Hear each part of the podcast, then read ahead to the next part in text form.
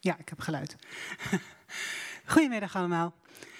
Welkom bij deze dienst van de Fontein. Mijn naam is Marjoleine Engelbert. Ik zal eerst even heel kort uitleggen voor de mensen die hier nog niet zo bekend zijn waar u nou terecht bent gekomen. Uh, we zitten hier in het Kristal in de wijk Zuidbroek. En uh, wij zijn hier een, uh, sinds een jaar of vijf, zes inmiddels een, een kerkgemeenschap. Een kerk met mensen uit Apeldoorn, mensen van buiten Apeldoorn. Mensen die al heel lang iets met God hebben. Mensen die eigenlijk nog steeds niet weten of ze er wel iets mee hebben. Kortom, van alles en nog wat. Uh, maar wel mensen die in elk geval heel graag iets met elkaar en met God willen beleven. En dat doen we op zondagochtend normaal gesproken. Meestal om tien uur, maar vandaag is een keer om drie uur. Want we zijn ook nooit uh, nou ja, te beroerd om eens een keer iets uh, anders dan anders te doen. En soms komt het ook gewoon beter uit. Want vanochtend hadden allebei onze dominees andere verplichtingen. Dus ja, dan zetten we gewoon de dienst op een ander tijdstip en dan komen we smiddags bij elkaar. Um, zoals ik al zei, ik ben Marjolein Engelbert. Er is in deze uh, groep mensen, dat noemen we dan een gemeente, is er een aantal mensen uit de groep die een soort uh, dagelijks bestuur vormen. Nou, daar hoor ik bij. Uh, en daar zijn nog een stuk of, nou ik geloof dat we met z'n zevenen zijn of acht, weet ik eigenlijk niet, zeven. Ja, met z'n zevenen. Dus er zijn nog zes anderen en ik ook. Um, aan het begin van een bijeenkomst zoals deze dienst hebben we altijd eerst wat mededelingen voordat we echt gaan beginnen met waarvoor we hier bij elkaar zijn. Omdat het gewoon het meest praktische moment is om iedereen even te spreken. Nou heb ik eigenlijk op mijn lijstje helemaal geen mededelingen gezien. Maar ik kijk even rond of iemand anders nog mededelingen had. Ik zie een paar mensen nee schudden. Nee, nou dan zijn er geen mededelingen vandaag. Dan beginnen we zoals altijd met een gebed. Dat is eigenlijk een kort gesprek met God. En ja, sommige mensen vinden het raar om te praten met iemand die je niet ziet. Aan de andere kant, dat doe je ook als je met iemand telefoneert. Die zie je ook niet. En dan ga je er ook vanuit dat er aan de andere kant van de lijn wel iemand is die het ook hoort. Nou, dat doen wij ook. En uh, zo wil ik uh, beginnen met een gebed en daar wil ik jullie in voorgaan. Vader in de hemel, dank u wel dat we hier bij elkaar mogen komen op deze middag. Dank u wel dat we ervan uit mogen gaan dat u ons hoort, dat u ons ziet. Dat u uh, er bent voor ons Wilt u de dienst zegenen? Wilt u met ons zijn, zodat wij ook echt iets met elkaar kunnen delen en iets kunnen leren van wat u ons te zeggen heeft? Dat vraag ik u in Jezus' naam. Amen. En uh, we beginnen volgens mij, zoals altijd, met zingen. En ik weet niet of de dominee daar nog iets over wilde zeggen. Dat doet hij straks. Goed, gaan we eerst zingen. Krijgen we straks er wat meer uitleg bij.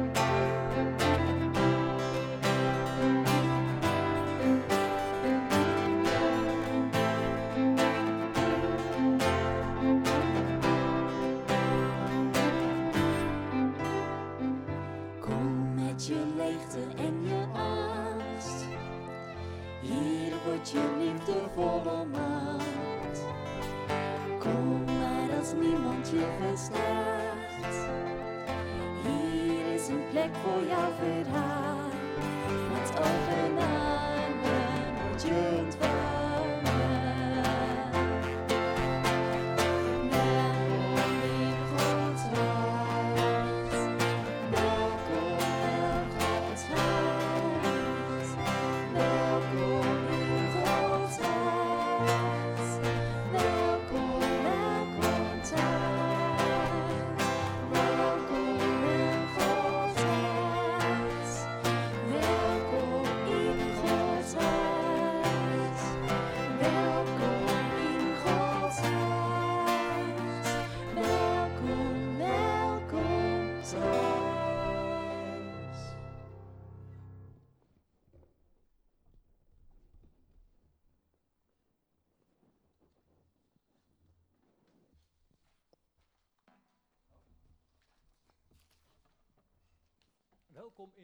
Dat is inderdaad de boodschap van vandaag. Ben ik hoorbaar? Ja, hè?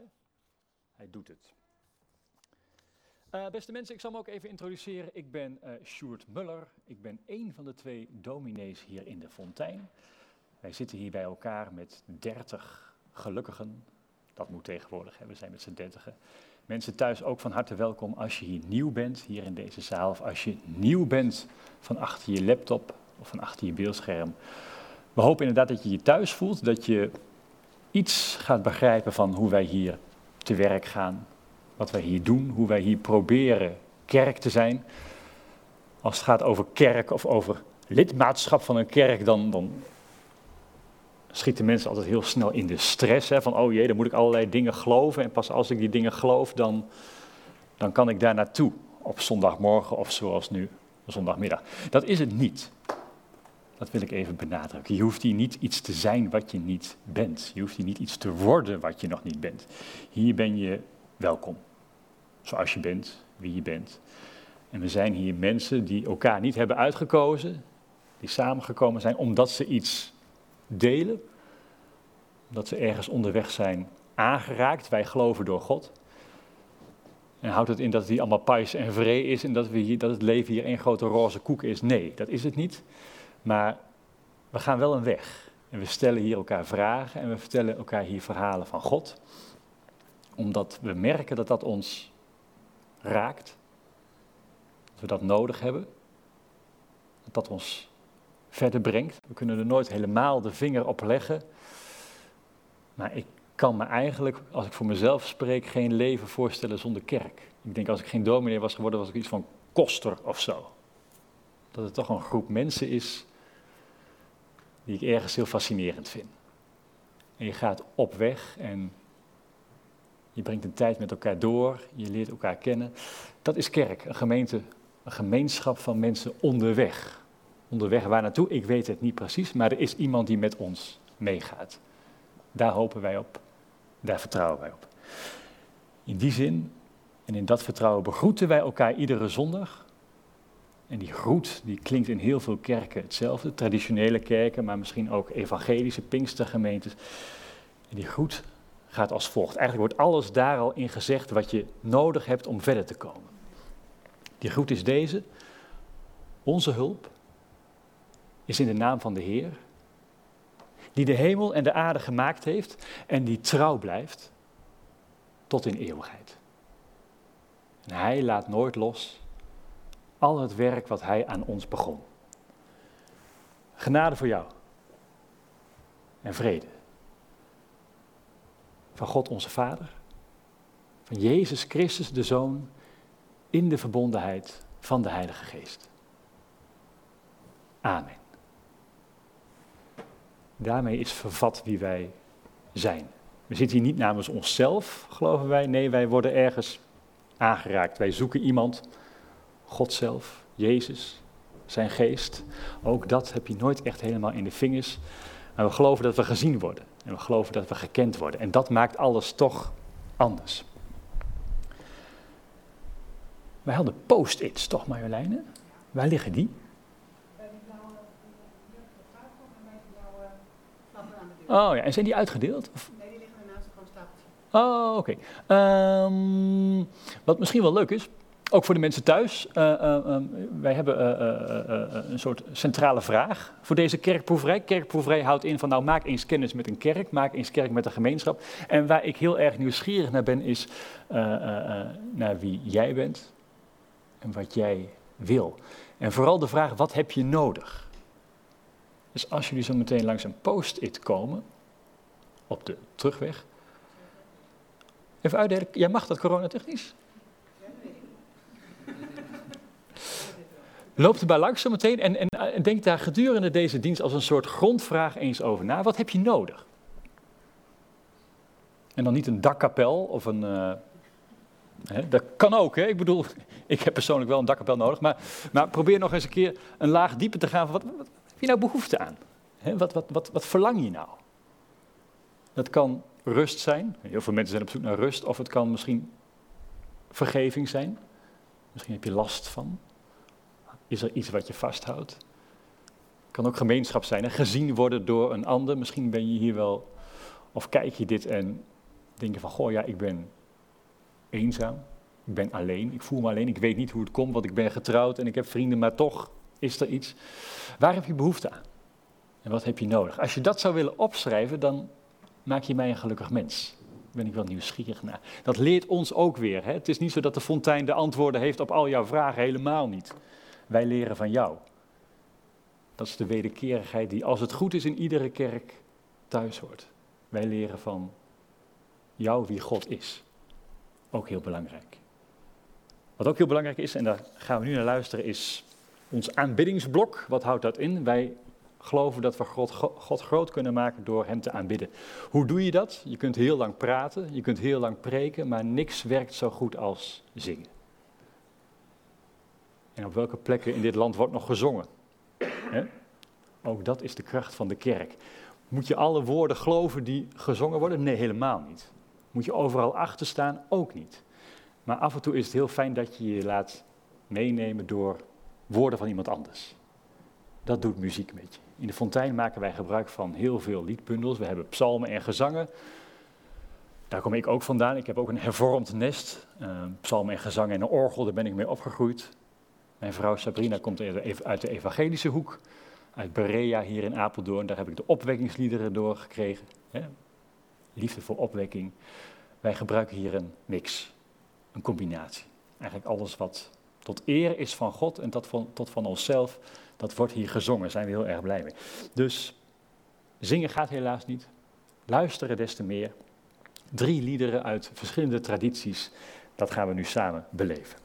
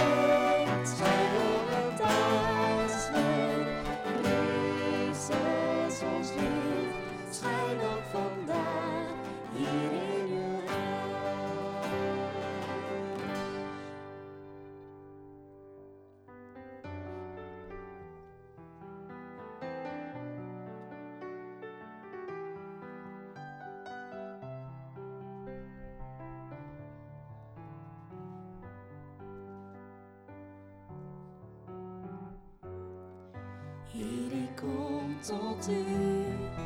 Neem mijn hart, verander mij. Als ik u ontmoet, vind ik rust bij u.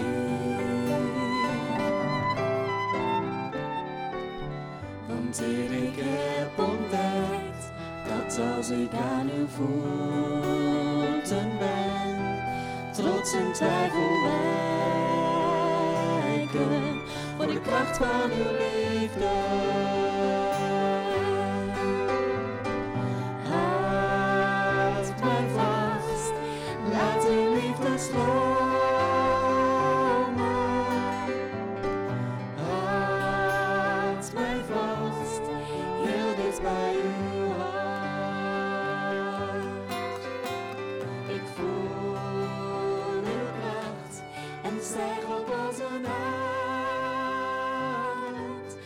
zweef ik op de wind, gedragen door uw geest en de kracht van uw liefde.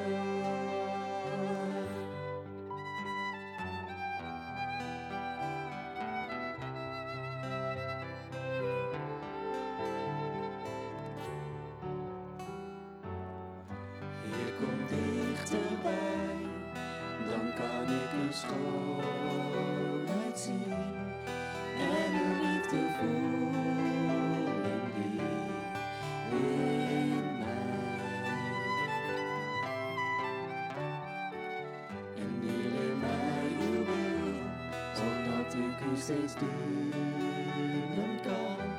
en elke dag mag leven door de kracht van uw liefde.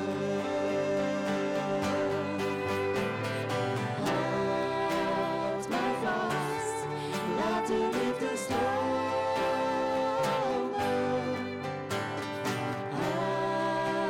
mij vast,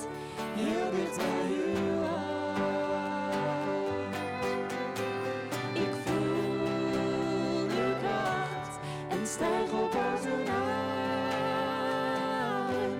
Dan zweef ik op de wind, gedragen door uw geest en de kracht van uw liefde. Dan zweef ik op de wind, gedragen door uw geest en de kracht van uw liefde.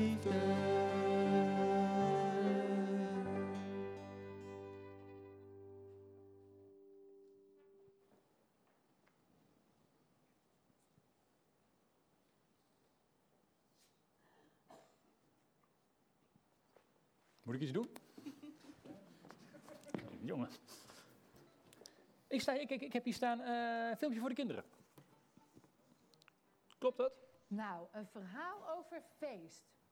Laat ik dat nou toch hebben? Nou, een verhaal over feest. Laat ik dat nou toch hebben? Echt waar? Ja! Ja, het gaat over een feest van de koning en zijn zoon. Tekenvrouwtje. Oh, kijk eens, er ligt een heel mooi lintje tussen.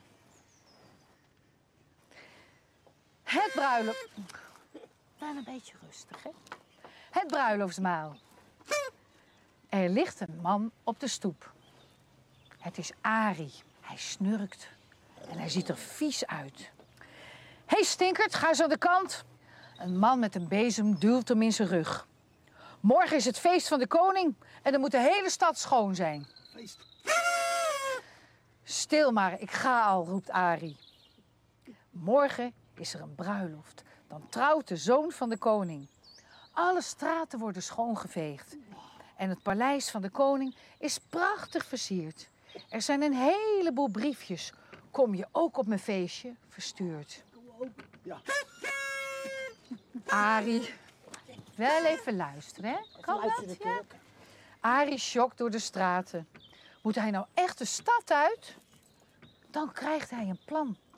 Hij duwt wat struiken uit elkaar en verstopt zich tussen de bladeren. Hier kan niemand hem vinden. Opeens hoort hij stemmen. Ze komen achter de struiken vandaan. Arie gluurt. Hij ziet een hele mooie tuin met een vijver en fonteinen. Chique boel, zegt Arie. Bij de vijver staan een man en een vrouw. De vrouw heeft een brief in haar hand. Ik ga niet. Ik ga niet naar het feest van de koning, zegt ze. Niks feest voor haar. Nee, ze wil helemaal niet. Nee, gek hè? Moet je horen wat ze zegt. Ik heb helemaal geen tijd, zeg maar, dat we niet komen. Wat? Arie schudt zijn hoofd. Gaat ze niet naar het feest van de koning? Nou, hij zou het wel weten. Natuurlijk zou hij gaan. Zo'n uitnodiging krijg je maar één keer. Maar ja, hij heeft geen brief gekregen. Hij gaat maar weer slapen. Geen brievenbus. Oh nee, dat is het. Is Geen dat huis. het? Geen huis. Hier ligt er nog één. Arie doet zijn ogen open. Er schudt iemand aan hem. Het is een knecht van de koning. Arie schrikt. Hij is ontdekt. Nu zullen ze hem toch nog de stad uitgooien. Wakker worden! U bent persoonlijk uitgenodigd voor het feest van de koning. Wat? Ja, sst, ga nog verder. Verbaasd kijkt Arie de knecht aan. Kom, de tafel staat al klaar. Er is genoeg voor iedereen. Arie kan het haast niet geloven. Mag hij op de bruiloft van de zoon van de koning komen? Nee, het kan niet. Mijn jas is kapot en mijn broek zit vol met vlekken. Hij is heel erg vies. Dat geeft niet, roepen de knechten. Je krijgt nieuwe kleren van de koning. Dan springt Arie overeind. Wauw! Dansend en zingend loopt hij naar het paleis. Hij gaat naar het feest van de koning. En feest is feest.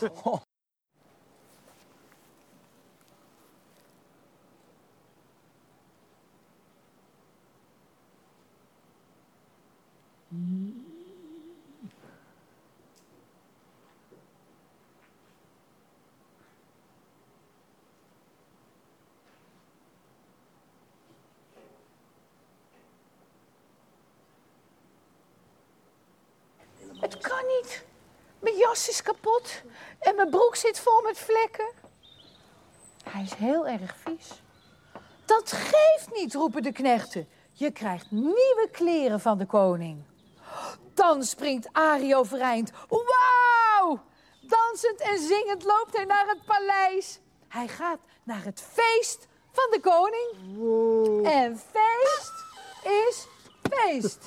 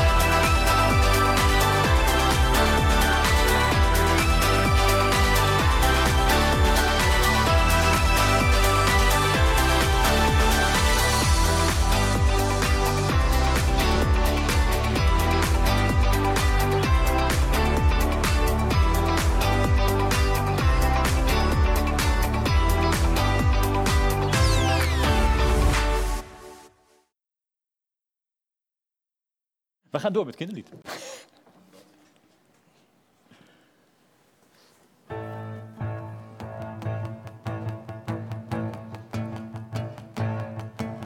Spring in de lucht, zo hoog als je kunt. En dans van plezier wat je dansen kunt. Vandaag is het feest, wees vrolijk en blij. Want God is zo goed voor jou en voor mij.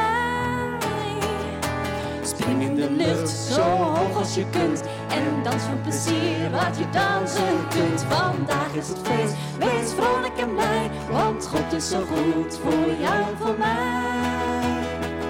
Hij is al zoveel jaren een trouwe hulp geweest. Kom laten wij hem prijzen en danken op dit feest.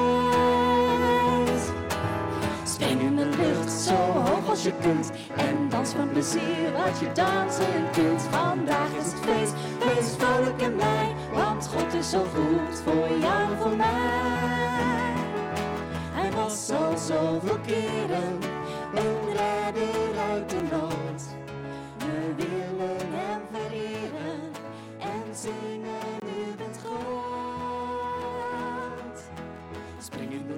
zo hoog als je kunt. En dans van plezier wat je dansen kunt. Vandaag is het feest, wees vrolijk en blij. Want God is zo goed voor jou en voor mij.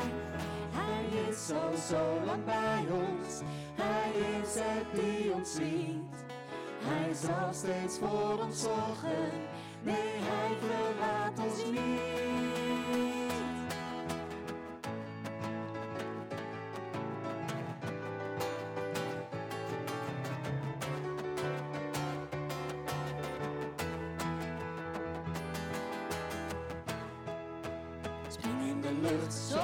Als je. En dans van plezier wat je dansen kunt. Vandaag is het feest, wees vrolijk en blij. Want God is zo goed voor jou en voor mij. Mooi, dank jullie wel.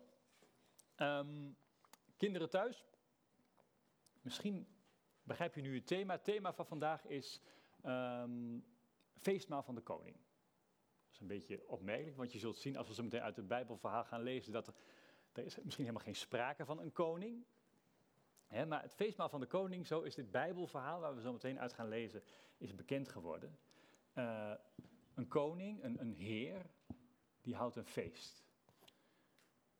En ik denk dat kinderen als geen ander zullen begrijpen wat het inhoudt als je een feest houdt, als je een feest geeft, dan ben je bang dat er niemand komt.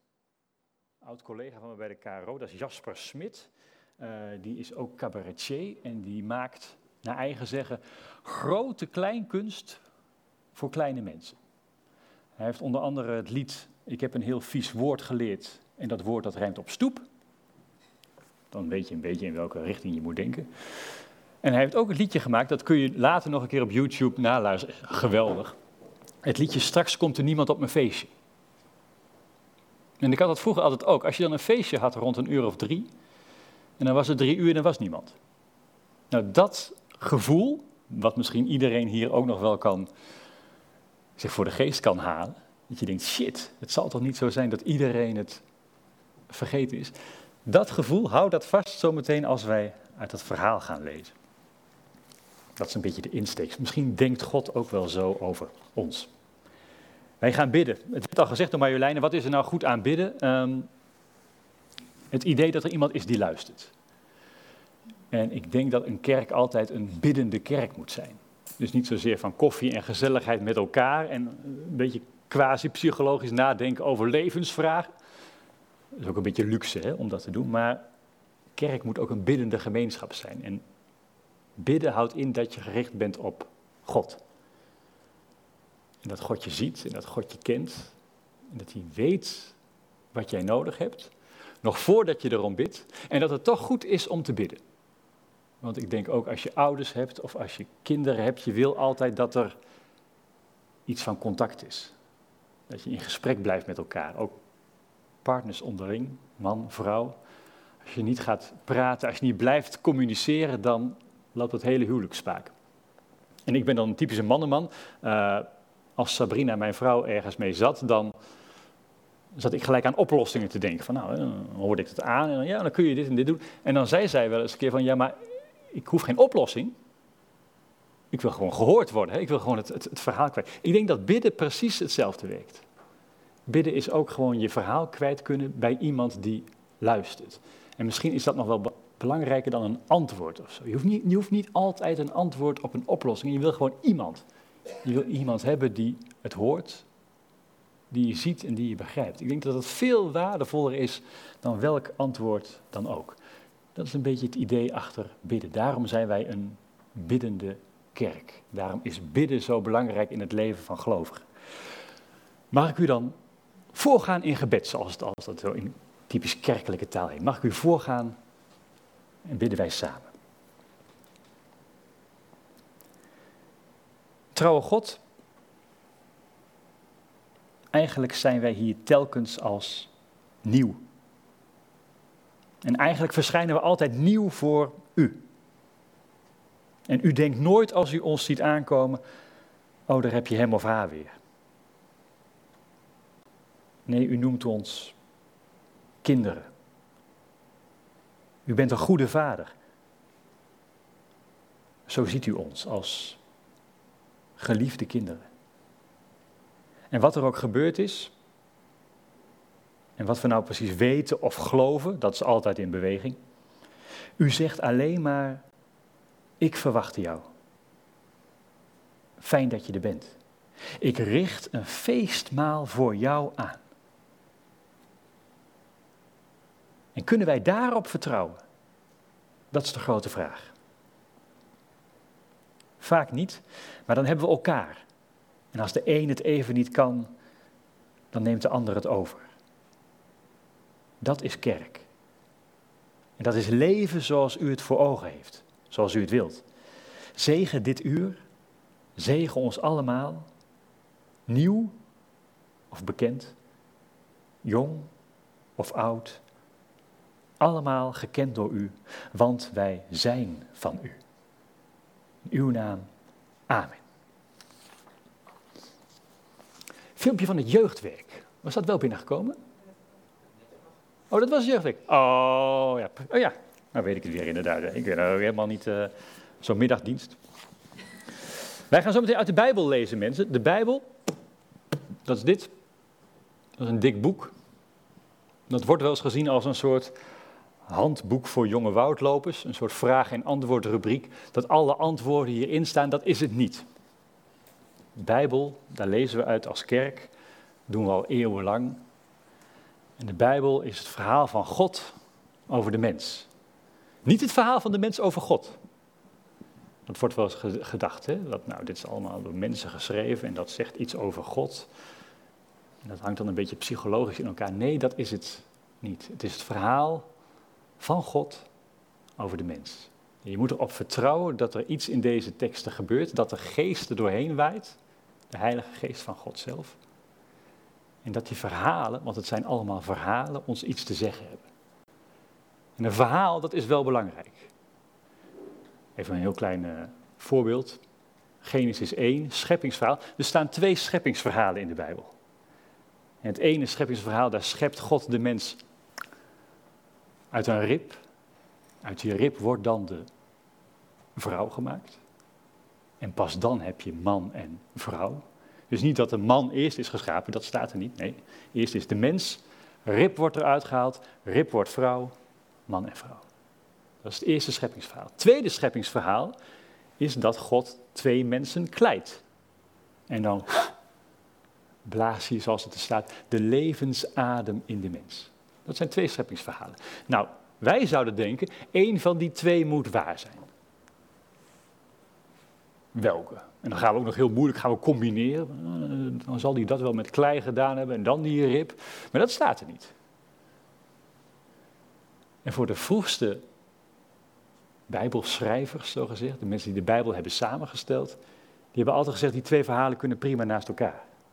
En zo zijn er altijd verhalen in de Bijbel waarbij de een tegenovergesteld is aan de ander.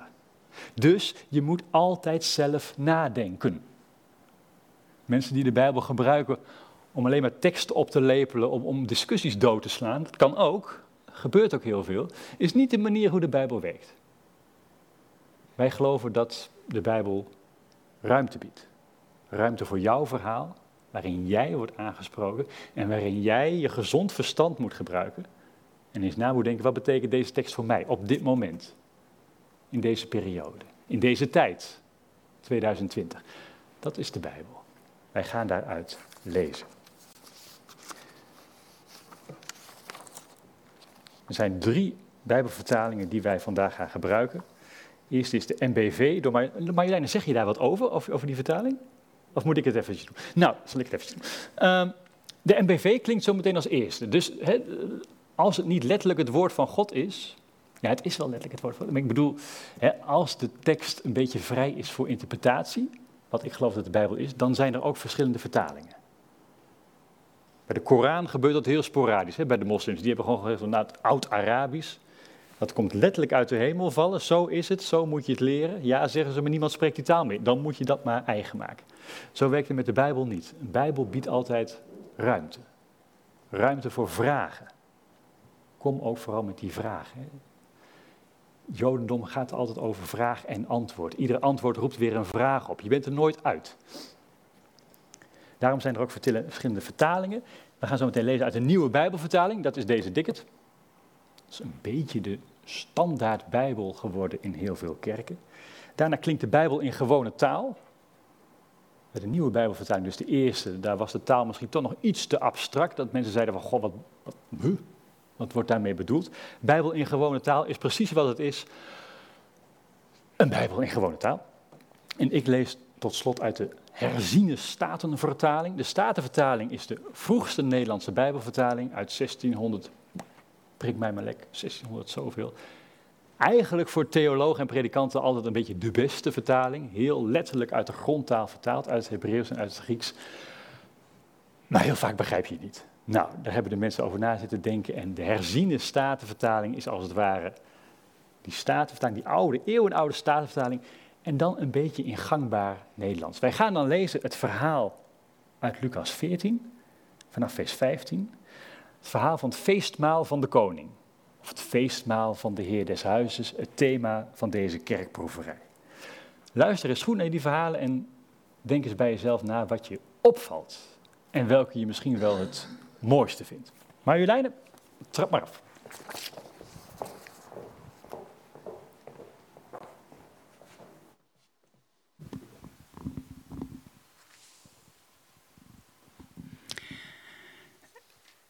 Ja, we vallen een beetje midden in het verhaal. We zitten natuurlijk nog een stuk voor.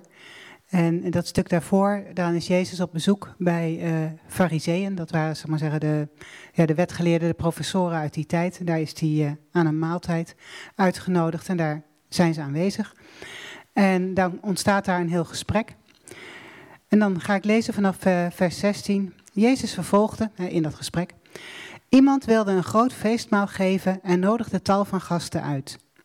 Toen het tijd was voor het feestmaal, stuurde hij zijn dienaar naar de genodigden om tegen hen te zeggen: Kom, want alles is klaar. Maar één voor één begonnen ze zich te verontschuldigen. De eerste zei: Ik heb net een akker gekocht die ik beslist moet gaan bekijken. Tot mijn spijt kan ik de uitnodiging niet aannemen. En een ander zei: Ik heb vijf span ossen gekocht en ga ze keuren. Tot mijn spijt kan ik de uitnodiging niet aannemen. Weer een ander zei, ik ben pas getrouwd en daarom kan ik niet komen.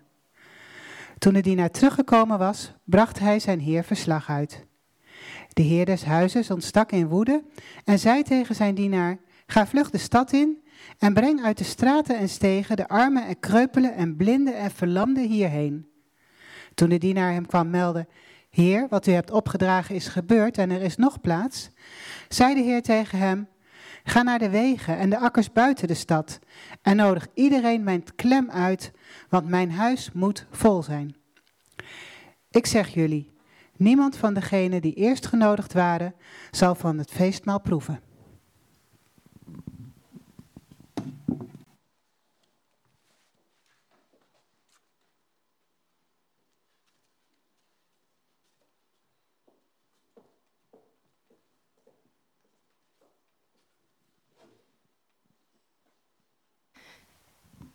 Staat hij aan? Ja, oké, top. En dan nu de Bijbel in de gewone taal.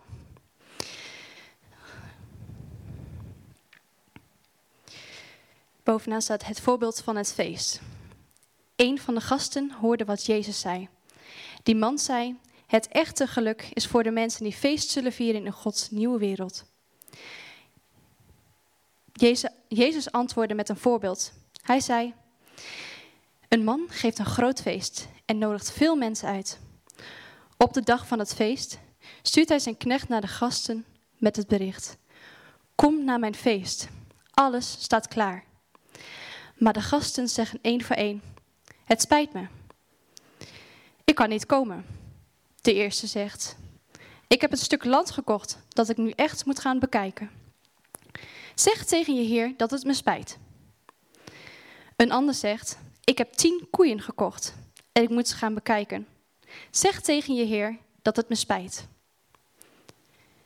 En weer een ander zegt: Ik kan niet komen, want ik ben net getrouwd. De knecht komt terug en vertelt alles aan zijn heer.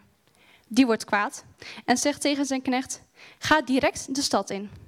Haal de arme mensen, zwervers en bedelaars van de straat en breng ze hier. Als de knecht weer terugkomt, zegt hij: Heer, ik heb gedaan wat u vroeg, maar er zijn nog steeds lege plaatsen. De Heer antwoordt: Ga dan naar de wegen buiten de stad en haal iedereen op die daar rondloopt. Zorg dat iedereen komt, want mijn huis moet vol worden. En luister naar mijn woorden. De gasten die ik eerst uitgenodigd had, mogen niet meer binnenkomen.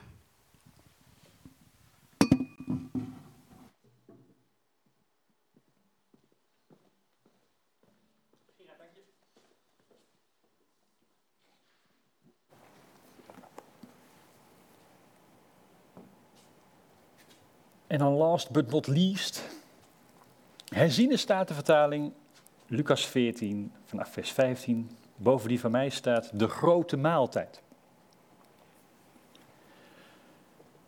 Toen een van hen die mee aanlagen deze dingen hoorde, zei hij tegen hem, dat is Jezus, zalig is hij die brood zal eten in het koninkrijk van God. Maar hij zei tegen hem, een zekere man bereidde een grote maaltijd en nodigde er velen. En hij stuurde zijn slaaf erop uit tegen de tijd van de maaltijd om de genodigden te zeggen: Kom, want alle dingen zijn nu gereed. En zij begonnen zich alle één voor één te verontschuldigen. De eerste zei tegen hem: Ik heb een akker gekocht en ik moet er nodig op uit om die te bekijken. Ik vraag u, houd mij voor verontschuldigd. Een ander zei, ik heb vijf span ossen gekocht en ik ga erheen om ze te keuren. Ik vraag u, houd mij voor verontschuldigd. Weer een ander zei, ik heb een vrouw getrouwd. Daarom kan ik niet komen. En die slaaf kwam terug en berichtte deze dingen aan zijn heer. En toen werd de heer des huizes boos. En hij zei tegen zijn slaaf, ga er snel op uit naar de straten en stegen van de stad en breng de armen en verminkten en kreupelen en blinden hier binnen. En de slaaf zei, Heer, het is gebeurd, zoals u bevolen hebt. En nog is er plaats. En de Heer zei tegen de slaaf, ga erop uit, naar de landwegen en heggen, en dwing hen binnen te komen, opdat mijn huis vol wordt. Want ik zeg u dat niemand van die mannen die genodigd waren, mijn maaltijd proeven zal.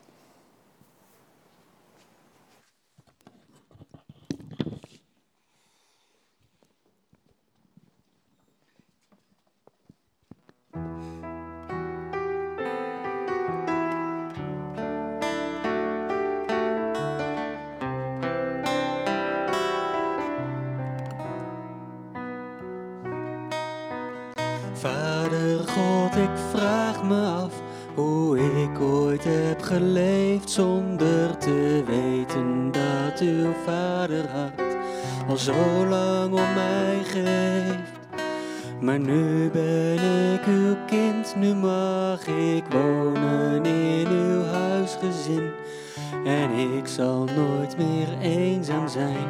Want vader, u bent altijd bij mij. Vader God, ik prijzen, hoe ik ooit heb geleefd Heer, zonder prijzen, te weten Heer, dat u Heer, prijzen, al zo lang om mij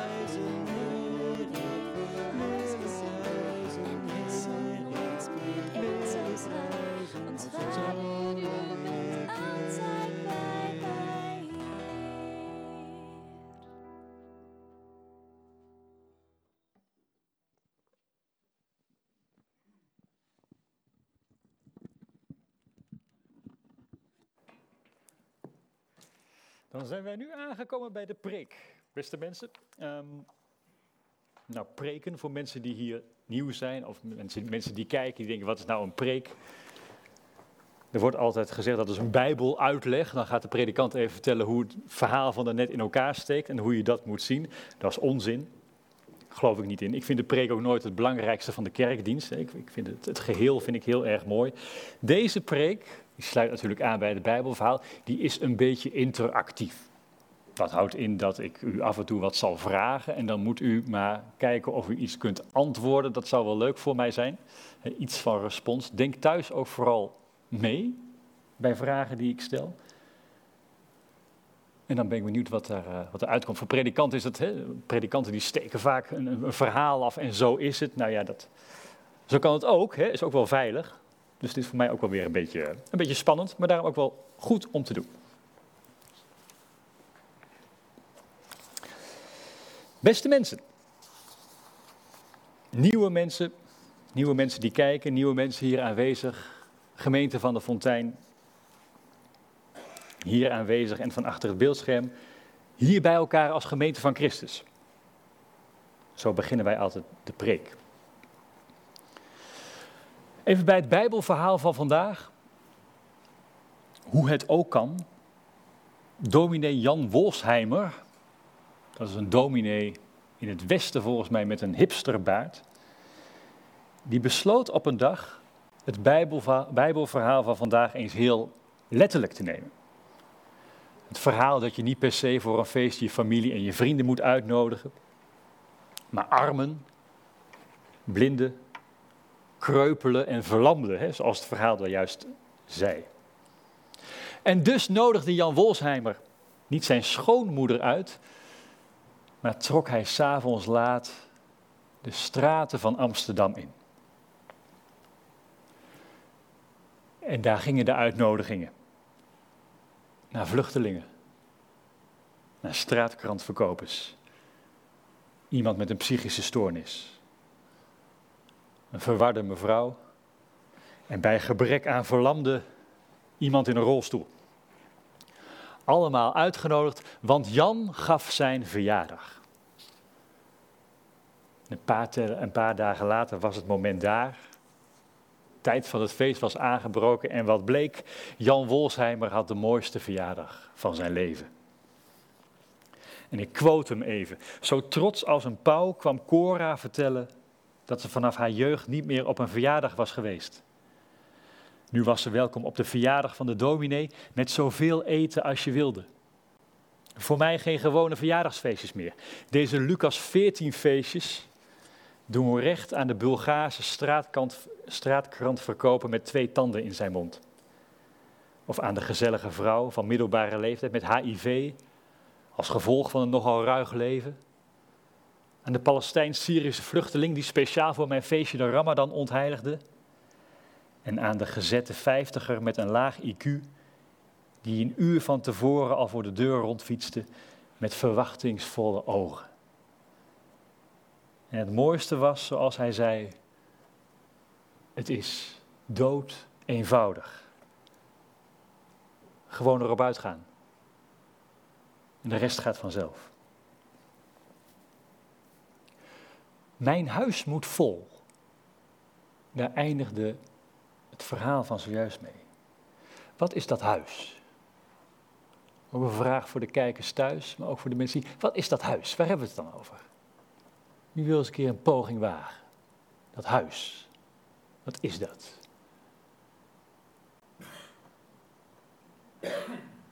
Ik hoor gemurmel. Maar ik ben een beetje doof. Dus. Kerk. Grappig, hè? Ja, kerk. Zou heel goed kunnen, hoor.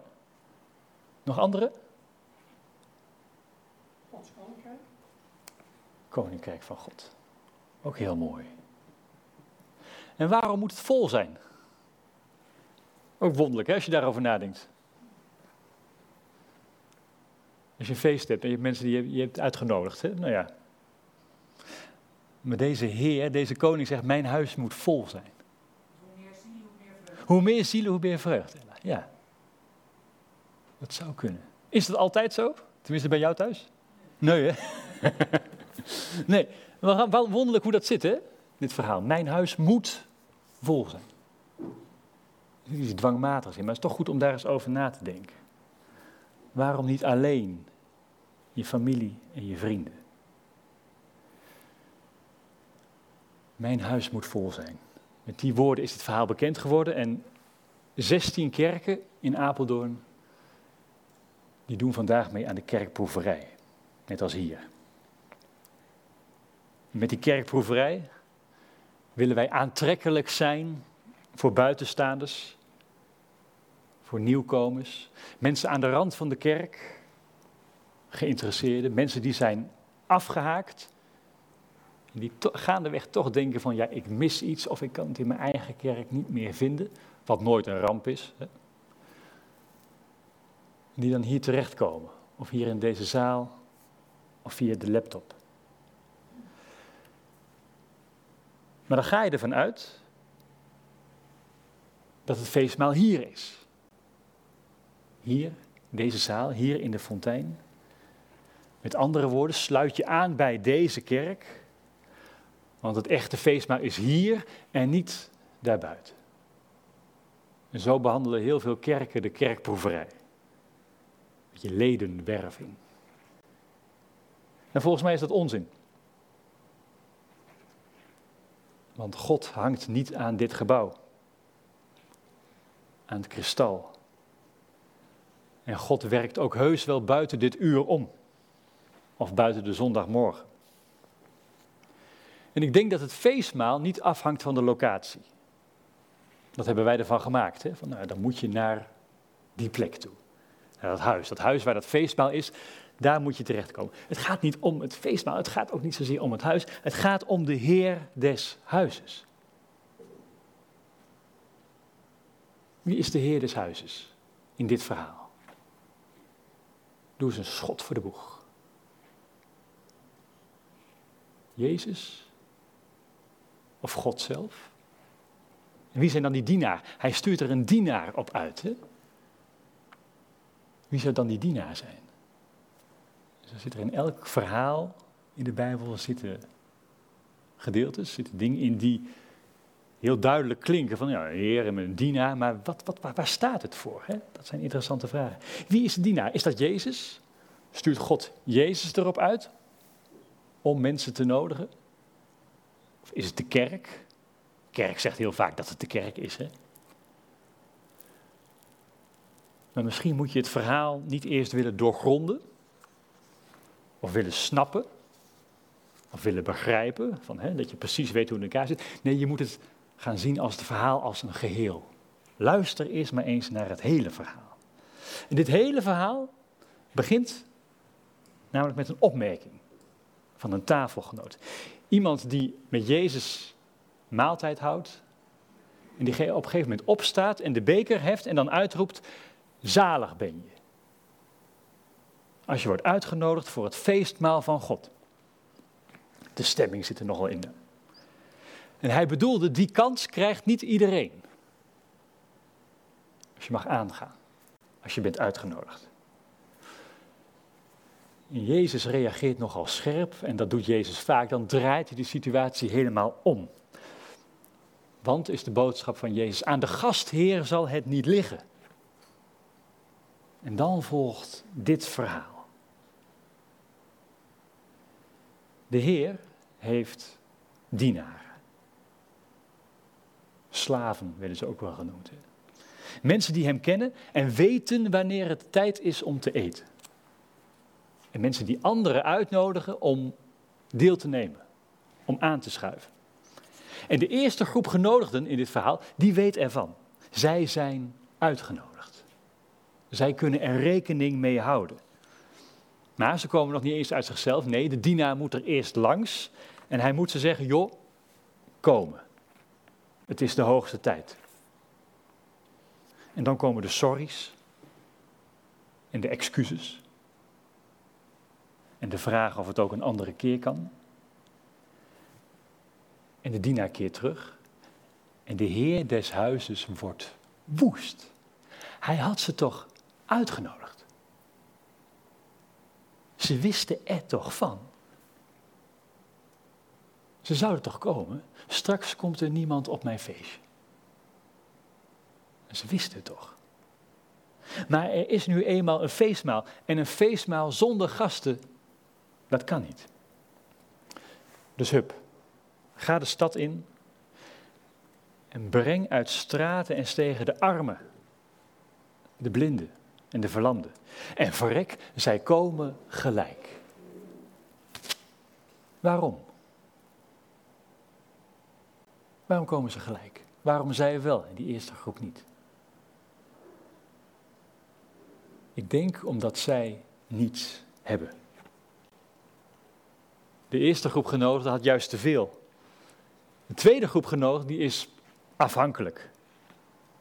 De eerste groep die redt zichzelf wel en daar zijn ze ook heel trots op. Zalig zijn mensen die niet wat hebben, maar die wat nodig hebben. Nog een vraag. Is die tweede groep genodigden, lammen, blinden, is dat ook een tweede keus? Is die tweede groep genodigden ook B-garnituur? The next best thing. Je wilde de ene, je krijgt de andere. Zou dat zo zijn? Volgens mij niet. Daar gaat het in dit verhaal ook niet om. Het gaat om het feestmaal. En die Heer, die wil jou. En dat huis moet vol, linksom of rechtsom. En die dienaar die zegt naar de tweede groep binnengelaten te hebben: Heer, wat u vroeg, dat hebben we gedaan. En er is nog steeds plek. Er is nog steeds ruimte. Er kan nog meer bij. En vroeger werd ik altijd een beetje sip van dit verhaal. Hè? Geeft iemand een keer een feestje, komt er niemand opdagen. Nou, nu lees ik het iets anders. Dit is eigenlijk een heel hoopvol verhaal. Er is nog steeds plek. Het is nog niet afgelopen. Er is nog ruimte. Er is al een grote groep binnen. Mensen die je er totaal niet verwacht zou hebben. Mensen zonder uitnodiging, maar nog steeds is er plek. Voor jou. Voor mij. Voor iedereen die luistert naar die vraag, naar die uitnodiging van die dienaar. Kom. Ga je mee? Er is een feestmaal van een goede Heer en we willen het niet vieren zonder jou. God is geen kniepet. God is geen zuinige God die heel nauwkeurig kijkt en toetst of de gasten het wel waard zijn om naar binnen te komen. Iemand die bij de deur gaat staan van nou, verkeerde schoenen, verkeerde broek, kom maar een andere keer. Dat beeld heb je misschien wel van God. Of misschien heb je dat beeld wel van de kerk. Dat je heel goed je best moet doen. Dat je iedere zondag moet komen. Dat je lid moet worden. En vooral geen verkeerde dingen doen. Kortom, je moet op eieren lopen om dat huis, dat koninkrijk van God binnen te komen. Maar ik zei het al, ook bij dit verhaal van Jezus worden de zaken vaak omgedraaid. God is geen zuinige gastheer. Nee, wij zijn zuinige gasten. God houdt wel van een feestje. Ik herhaal, dubbele punt. God houdt van feestvieren. Zet daar een gemiddelde PKN-gemeente tegenover. En je begrijpt gelijk het grote probleem van de kerken van vandaag de dag. Poeh, het is weer zondag, we moeten weer. Het zal vast wel weer tegenvallen. En God ziet het aan en het stoom komt uit zijn oren. Waarom komen ze niet? Waarom blijven ze thuis? Begrijpen ze niet dat ik een feest geef? Dat ik jou hier wil? Dat ik wat te bieden heb? Gezelschap in overvloed. Eten en drinken in overvloed. Onderdak in overvloed. Maar waarom maken wij mensen, waarom maken wij kerken het zo ongelooflijk moeilijk? Ik hoef niet per se meer mensen in de kerk op de zondagmorgen. Ik hoef niet per se meer kijkers op de livestream. Ik wil mensen die weten dat er een feest is. Mensen die wat uit te delen hebben. Mensen die in hun straat of in hun wijk of op hun werk of op school om zich heen gaan kijken en zien dat het feest al gaande is. En dat er al mensen binnen zijn. Verrek, ze zouden toch hier zijn? Nee. Het gebeurt al. Het feest is al aan de gang. Kerkproeverij is niet hip doen. En dan mensen naar binnen lokken. Nee, het is mensen erop uitsturen. Precies de andere beweging. Met de simpele boodschap voor zichzelf en voor hun omgeving. Jij bent uitgenodigd. Jij staat op een gastenlijst. Jij bent gewild op een feest zoals je nog nooit hebt meegemaakt. En kijk eens in je omgeving of je mensen vindt die meevieren. Nogmaals, het feest is al aan de gang. De tijd voor het feestmaal was al aangebroken, zegt de tekst. Het is al bezig. Ook hier, ook nu. En er is nog plek. Wat is dan het feest wat we vieren? Dat is het feest van gezien worden. Het feest van welkom zijn. Het feest van vrij zijn. Het feest van iemand die van je houdt. Het feest van muziek en van zang. Het feest van omzien naar elkaar. Het feest van zorgen voor zwakken. Zorgen voor de vreemdeling. Zorgen voor die mens die zichzelf niet redt.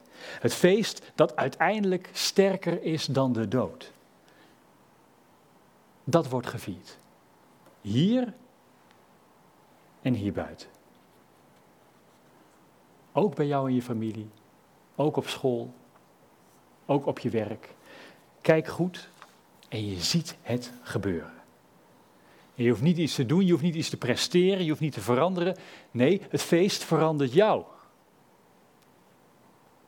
Jij bent geen tweede keus. Want die blinden, die armen, die kreupelen, totale onbekenden, ze zitten opeens vooraan. En het feest verandert hen. En ze zijn meer dan welkom.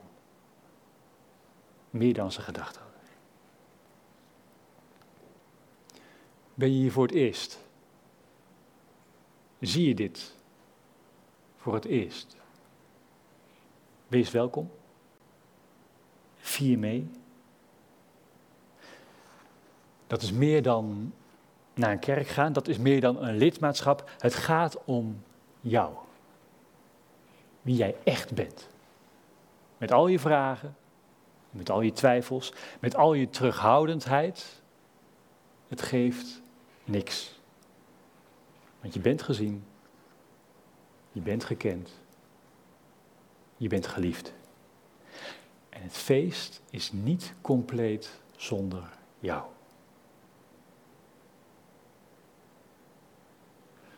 Even voor de helderheid, waar dat feestmaal, waar is dat dan? Als we uitgenodigd zijn, waar moeten we het dan zoeken? De een zegt dat de plek van het feestmaal kerk is. De ander noemt het de hemel, het paradijs. Daar zijn wij uiteindelijk als gelovigen naartoe op weg. Of de kerk, ik zei het al, maar hoe doe je dat als het de kerk is, als je niet mag zingen? Als je maar met dertig man bij elkaar mag komen. Daar kun je heel erg veel zorgen over maken. Heel veel kerken doen dat. Die zitten helemaal in de rat van, oh god, straks komen ze niet meer terug. En wat moeten we nou doen? En wat doet dat met ons geloof? En financieel, hè, vooral financieel. Hoe houden wij het hoofd financieel boven water? Maar ga eens terug naar het begin van dit verhaal. Waar begon dat mee? Dat begon met die man die uitroept, gelukkig. Al wie mogen deelnemen aan de maaltijd in het koninkrijk van God. Daar heeft Jezus het bij leven vaker over, dat koninkrijk van God. Wat is dat nou? Wat is nou dat koninkrijk van God? Wat zou dat kunnen zijn? Koninkrijk van God is volgens mij alle plekken waar God koning mag zijn. Ik zou ook niet zozeer spreken over een koninkrijk van God, het koningschap van God. Waar God koning en heer is over jouw leven. Waar we luisteren naar Hem en Hem zo goed en zo kwaad als het kan proberen te dienen. Dat kan de fontein zijn, dat kan een andere kerk zijn, maar zoals het gezegd, het kan ook zijn aan jouw keukentafel. Het kan ook zijn in jouw klas, of in jouw bedrijf, in je organisatie. Het hangt er vanaf wie je dient. Jezelf, God. God is niet gebonden aan kerken, al denken onze kerken heel vaak van wel. En vergis je niet, even in verhouding, het christendom is nog steeds de grootste godsdienst ter wereld de snelst groeiende godsdienst op de planeet, juist op de plekken waar de kerk het niet zo makkelijk heeft. En waar de kerk helemaal niet bij elkaar kan komen. Wij zitten al te klagen over 30 man en over niet zingen. Nou, er zijn plekken op de wereld waar ze dolblij zouden zijn met 30 mensen bij elkaar. Maar waar groeit de kerk? Libië, Pakistan, Iran, Indonesië, en het leven wordt christenen daar vrijwel onmogelijk gemaakt. Maar God trekt zich daar blijkbaar geen bal van aan. En hij ontmoet mensen waar hij maar wil. Thuis, onderweg, via internet, in een droom, in het geheim, ondergronds. En mijn vraag aan jullie allemaal hier en mensen thuis, is deze. Zullen we die uitnodiging eens aannemen? In de geest van God, in de geest van Jan Wolsheimer en op weg gaan. Dus niet zozeer de nadruk leggen op hier komen. Nee, trek er eens op uit. Bid maar eens om een ontmoeting. Sta maar eens open. En laat jezelf eens uitnodigen. En vaak denk je dat je zelf de waarheid in pacht hebt. Van nee, laat het ook maar eens een keer gebeuren. En het zal gebeuren. Dat beloof ik je. Weet dat je welkom bent met jouw verhaal. Dat die ander ook welkom is met zijn of haar verhaal. En ga op zoek. Ga op zoek naar die plekken en naar die mensen voor wie God een koning is, of een koning kan gaan worden en je zult het zien, het feest kan beginnen. Amen.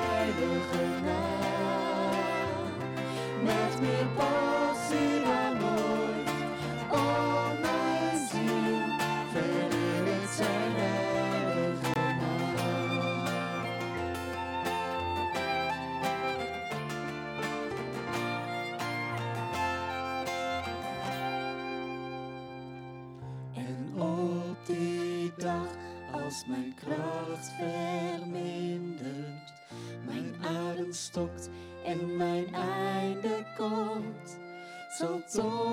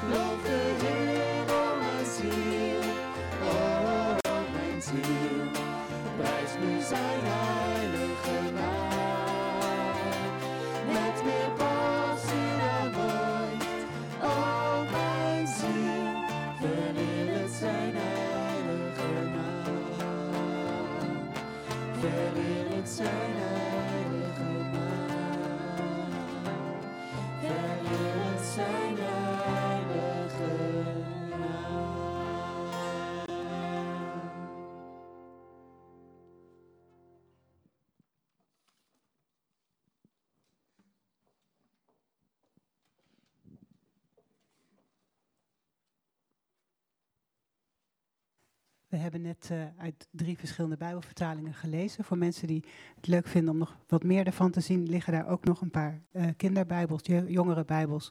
Dus dan kan je even naast elkaar leggen van, nou ja, wat is dat nou allemaal? En eh, staat er nou overal ongeveer hetzelfde in. Ehm, het Bijbellezen is een belangrijk deel, de preek is een belangrijk deel, het zingen is een belangrijk deel, maar ook een belangrijk deel is de diaconie. En diaconie, dat is een eh, ingewikkeld woord, maar dat is in feite gewoon het, omzien naar elkaar. Eh, en dat gaat meestal heel praktisch. Dus vaak gaat het over geld en over eh, spullen. Omzien naar elkaar doen we vanuit deze gemeente, maar ook vanuit heel veel kerken van Apeldoorn samen. Bijvoorbeeld door elke week spullen in te zamelen voor de voedselbank. Degenen die wat vroeg waren, hebben dat ook op het informatiedia's aan het begin gezien. De producten van de maand. Ehm, maar er zijn ook twee eh, eh, collectes. En de collectes deden we vroeger, toen dat nog mocht, door inderdaad eh, dingen door te geven waar mensen hun geld in doen. Dat doen we nu iets anders. Er zijn straks na de dienst eh, bij de koffie zijn er twee emmertjes waar geld in gedaan kan worden. Maar geld kan ook digitaal natuurlijk gegeven worden. Eh, eh, op onze website staan daar informatie voor met, met banknummers. Er staan QR-codes in de nieuwsbrief, tikkies, mollies, noem maar op. Ik wist niet hoe het allemaal werkt, maar het schijnt allemaal te werken. En dat is ook iedere keer weer voor andere doelen. En ik heb een mededelingen van deze week meegekregen. En deze keer is de eerste collecte, eh, tenminste als je ze na elkaar zou doen, het kan nu natuurlijk tegelijkertijd, de collecte in het paarse emmertje. Eh, dat is de collecte voor, eh, ja, in dit geval voor vakanties, voor mensen die minder draagkrachtig zijn, die het zichzelf niet kunnen betalen. Vakantie is op dit moment natuurlijk sowieso moeilijk. Ehm, maar toch zijn er wel een aantal locaties waar vanuit de landelijke kerk ook de mogelijkheid wordt geboden om op nou ja, allemaal veilige manier korte vakanties te genieten. En de diaconie van Apeldoorn eh, stelt elk jaar een aantal gezinnen en personen in staat om daar gebruik van te maken. Maar dat moet natuurlijk wel betaald worden. En de eerste collecte die we houden is daarvoor bestemd. De tweede collecte, eh, ja, het klinkt een beetje wonderlijk misschien, maar dat is een collecte voor onszelf. Ehm, we zijn eh, natuurlijk ook eh, een groep die als wij bij elkaar komen en als er bijvoorbeeld bloemen worden eh, ingekocht die uitgedeeld worden aan mensen die een, eh, ja, een extraatje nodig hebben, hè, waar we van willen laten zien dat we met ze meeleven of dat ze willen feliciteren met iets, met iets, iets blijs. Ehm, dan moet daar natuurlijk voor betaald worden, ook voor de koffie en dat soort dingen. We zijn geen club die contributie heft. Eh, er is eh, de vrijheid om wat te geven, de ruimte om te delen van wat je gekregen hebt. En dat doen wij dus ook. En dat eh, is straks in het groene emmertje. Ehm, de informatie, nou ja, zei staat ook op de nieuwsbrief. We gaan nu niet nu ter plekke collecteren, maar dat komt straks bij de koffie. Maar dan weten jullie vast waar die emmertjes voor staan.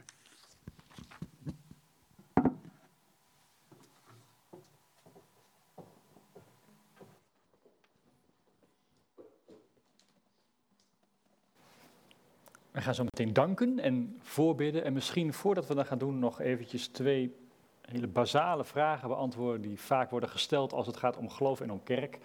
Ehm, wat ik nog wel eens een keer hoor is van ja, ik wil wel geloven, maar de kerk moet dat dan ook. Hè, met andere woorden, kan ik niet gewoon op zondagmorgen in mijn ochtendjas op de bank YouTube aanzetten en een kerkdienst tot mij nemen, zoals heel veel mensen nu ook doen. En dan is dat het. Dan heb ik toch mijn inspiratie, mijn batterij wordt weer opgeladen. En eh, dan geloof ik op mijzelf en niet in een gemeenschap, maar dat, dat moet toch kunnen. Dat vergelijk ik altijd een beetje met eh, eh, zingen of voetballen. Kijk, je kunt ook in je, in je achtertuintje of op je balkon kun je ook een balletje hoog houden. Kan, hè? dan kom je de tijd ook wel door. Het spel wordt gespeeld met meer. Het echte spel. Dan ben je nodig. Dan heb je een rol, dan heb je een functie, dan heb je een team, dan moet je op tijd komen, dan wordt er iets van je verwacht, dan wordt er iets van je gevraagd, dan word je serieus genomen door een ander. Vergelijkend met zingen, je kunt prachtig zingen onder de douche, met de deur op slot. Hartstikke leuk voor jezelf. In een koor, dan komt het eigenlijk best tot zijn recht. Met meerdere stemmen. Maar onthoud dit, jij bent nodig. Jij bent nodig in een gemeenschap. Daarom is het goed om naar een kerk te gaan, ergens lid van te worden, om ergens verbonden van te zijn. De ander heeft jou nodig. De ander vindt het fijn dat je er bent. De ander vindt het fijn dat je komt. En je helpt elkaar ook een beetje onder, onderweg. Je helpt elkaar ook in het geloof. Als de een het even niet kan, dan doet de ander. Dat is het mooie van gemeenschap. Je doet het samen. Dat is vraag 1. De tweede is, waarom moet je überhaupt geloven? Waar is dat goed voor? Ik denk dat het altijd goed is om een adres te hebben. Daar gaan we ook zo meteen in onze gebeden aandacht aan, besteden. Het is goed om een adres te hebben voor je vragen, voor je twijfel, voor je angst. Dat kun je allemaal bij jezelf houden. En er zijn legio mensen die dat doen, met alle gevolgen van dien. Alle stress en alle eenzaamheid, alle psychiatrische hulp, alle pillen en alle poeders. Het voordeel van geloven is dat je een adres hebt. Iemand bij wie je al die twijfel en al die vragen en al die angst neer kunt leggen. Wordt je leven er altijd rooskleuriger van? Nee. Heb je altijd een antwoord? Nee. Heb je altijd een oplossing? Nee. Maar het, je deelt het. En je houdt het niet bij jezelf. Ik denk dat dat Het mooie is aan het geloof, het relativeert jezelf ook heel erg sterk. Je hoeft het niet allemaal alleen te doen. Je hoeft de wereld niet alleen op je schouders te nemen. Je bent voor je geluk altijd afhankelijk van anderen, ook van die ander.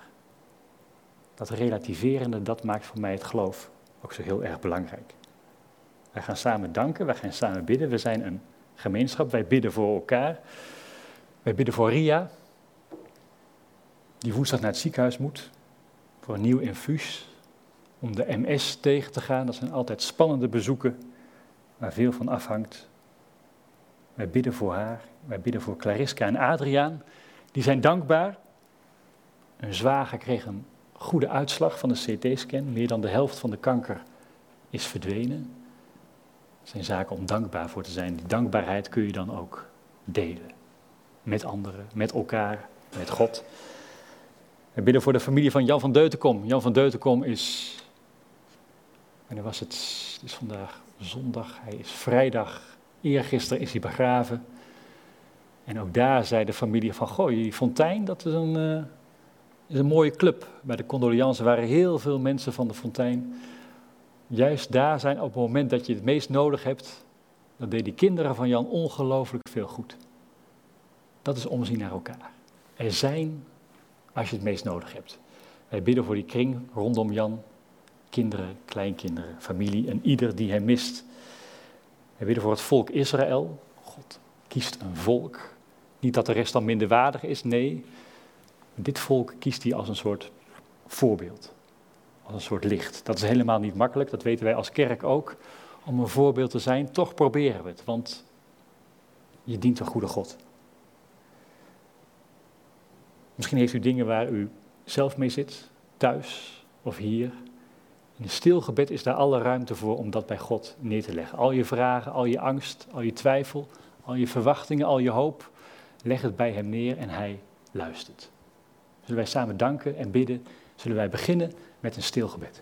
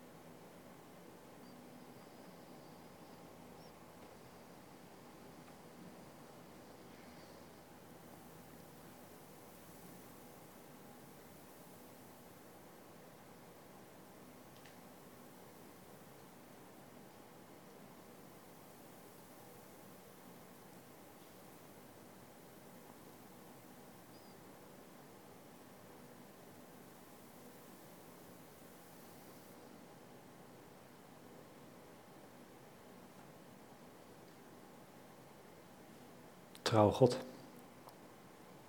Goed om hier te zijn, goed om dit mee te vieren, mee te maken. Na Staphorst, na persconferenties, ondanks alle beperkingen. Want poe poe, wat hebben we het zwaar als kerk. Met maar dertig mensen die we mogen uitnodigen.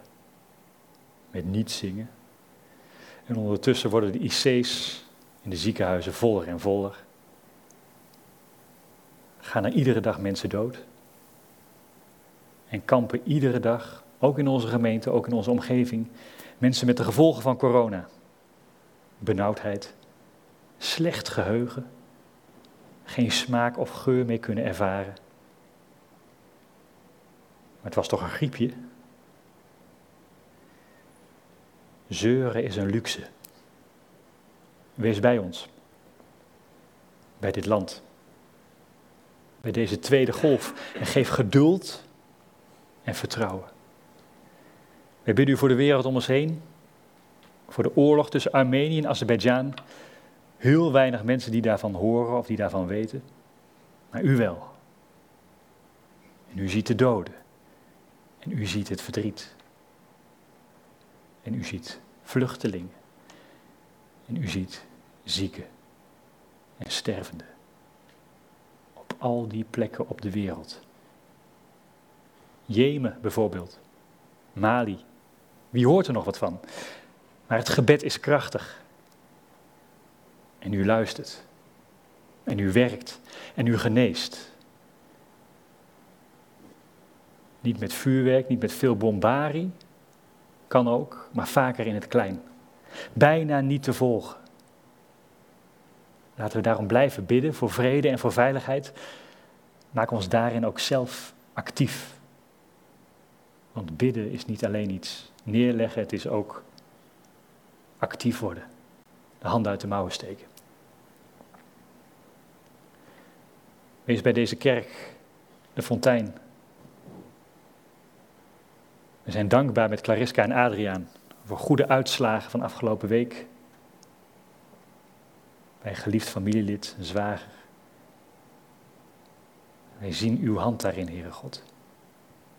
Door alle onderzoeken, door alle medische mensen heen, artsen en chirurgen, medicijnen.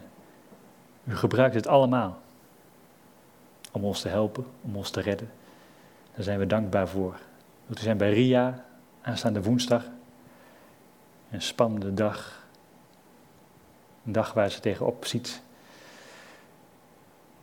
Wilt u zorgen dat het infuus aanslaat, dat het zijn werk goed doet? Wilt u bij haar zijn, dat u haar niet loslaat, dat u haar ziet, dat ze veilig is in uw hand?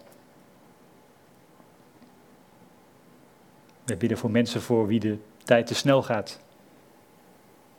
Mensen die niet meer mee kunnen in deze maatschappij van vandaag met psychische klachten.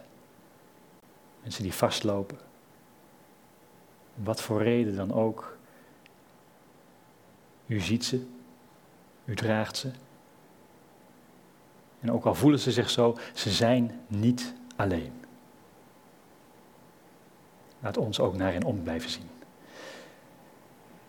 Wees bij deze kerk de fontein na het afscheid van Jan van Deutenkom. Zegen zijn kinderen, de mensen die achter moeten blijven. Wees bij zieken, mensen die revalideren, mensen die dolgraag willen komen, maar niet durven. Mensen die zitten te kijken. Nieuwkomers, of juist heel bekend. Mensen die vol zitten met angst of verdriet. U ziet hen en u vergeet ons niet. En laat ons zo allemaal uitnodigend zijn. De komende weken. Want er is een feest aan de gang. We hoeven alleen maar te antwoorden en aan te schuiven. Zo bidden we voor ons, zo bidden we voor uw volk, Israël, altijd onderweg naar vrede, naar u. U ziet ons allemaal, Heer God, en u kent ons, bij u zijn we veilig. Neem dan ook deze gebeden aan. Niet omdat wij zo goed zijn, niet omdat wij dat verdienen, maar in de machtige naam van Jezus. Amen.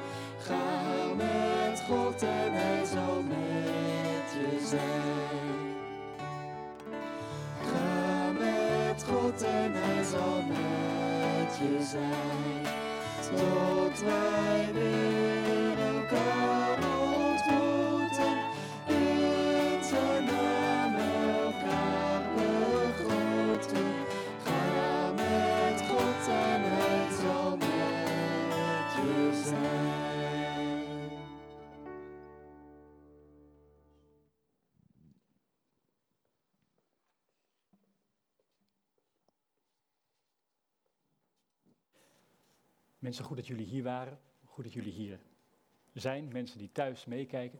Denk nog eventjes waar ik mee begon, hè, met die post-its. Als je daar langs loopt, nog even die vraag van, wat heb je nodig?